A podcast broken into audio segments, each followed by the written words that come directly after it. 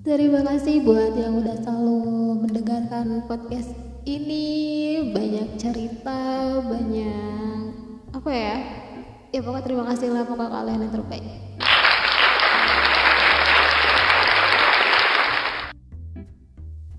Baiklah sebelum itu saya mau buka dulu. Assalamualaikum warahmatullahi wabarakatuh. Kali ini mau bawa cerita cerita apa ya kisah inspiratif sih sebenarnya. Jadi ini tentang gagal berulang kali mungkin teman-teman juga ada yang merasakan kegagalan. Mungkin bukan cuma sekali tapi bisa berkali-kalian. Oke. Okay. sejak kecil Jordan memiliki ketertarikan dalam bidang olahraga. Salah satu cabang olahraga kesukaannya adalah bola basket. Saat baru duduk di bangku SMA Jordan pernah ditolak saat ingin mengikuti seleksi masuk tim basket sekolahnya. Alasan utama pada saat itu adalah karena badannya yang terlalu pendek. Selain itu, ia juga dinilai kurang mahir dalam permainan tersebut. Jordan sangat sedih mendengar hal itu, tapi ia tak menyerah. Ia tetap berlatih dengan giat setiap hari di rumah.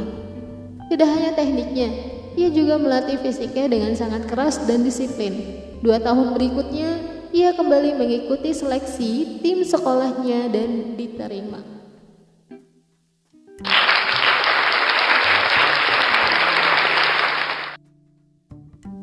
Kemudian, meski sudah diterima dalam tim, ia tidak langsung puas dan bermalas-malasan. Ia tetap rajin berlatih, bahkan ia sering pulang terlambat karena latihan tambahan. Wow. Kompetisi SMA tahun 1981, Jordan membuktikan kerja kerasnya. Pada games pertamanya, ia berhasil mencetak 40 angka. Ia juga memiliki statistik yang mengesankan, rata-rata 25 angka per games dan mana apa ya, memenangkan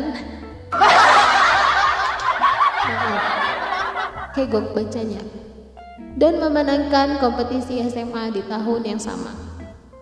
Sejak saat itu karir basketnya terus menanjak.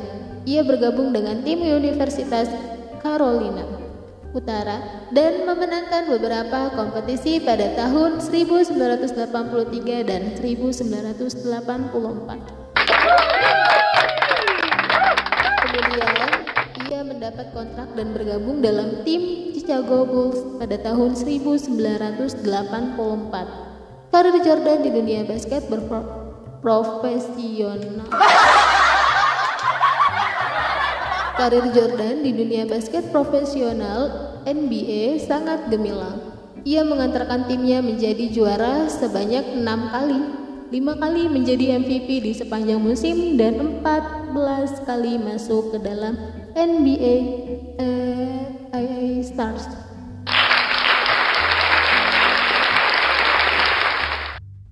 Ia pensiun tahun 2003 dan tercatat sebagai pemain yang mencetak angka terbanyak kedua dalam satu musim.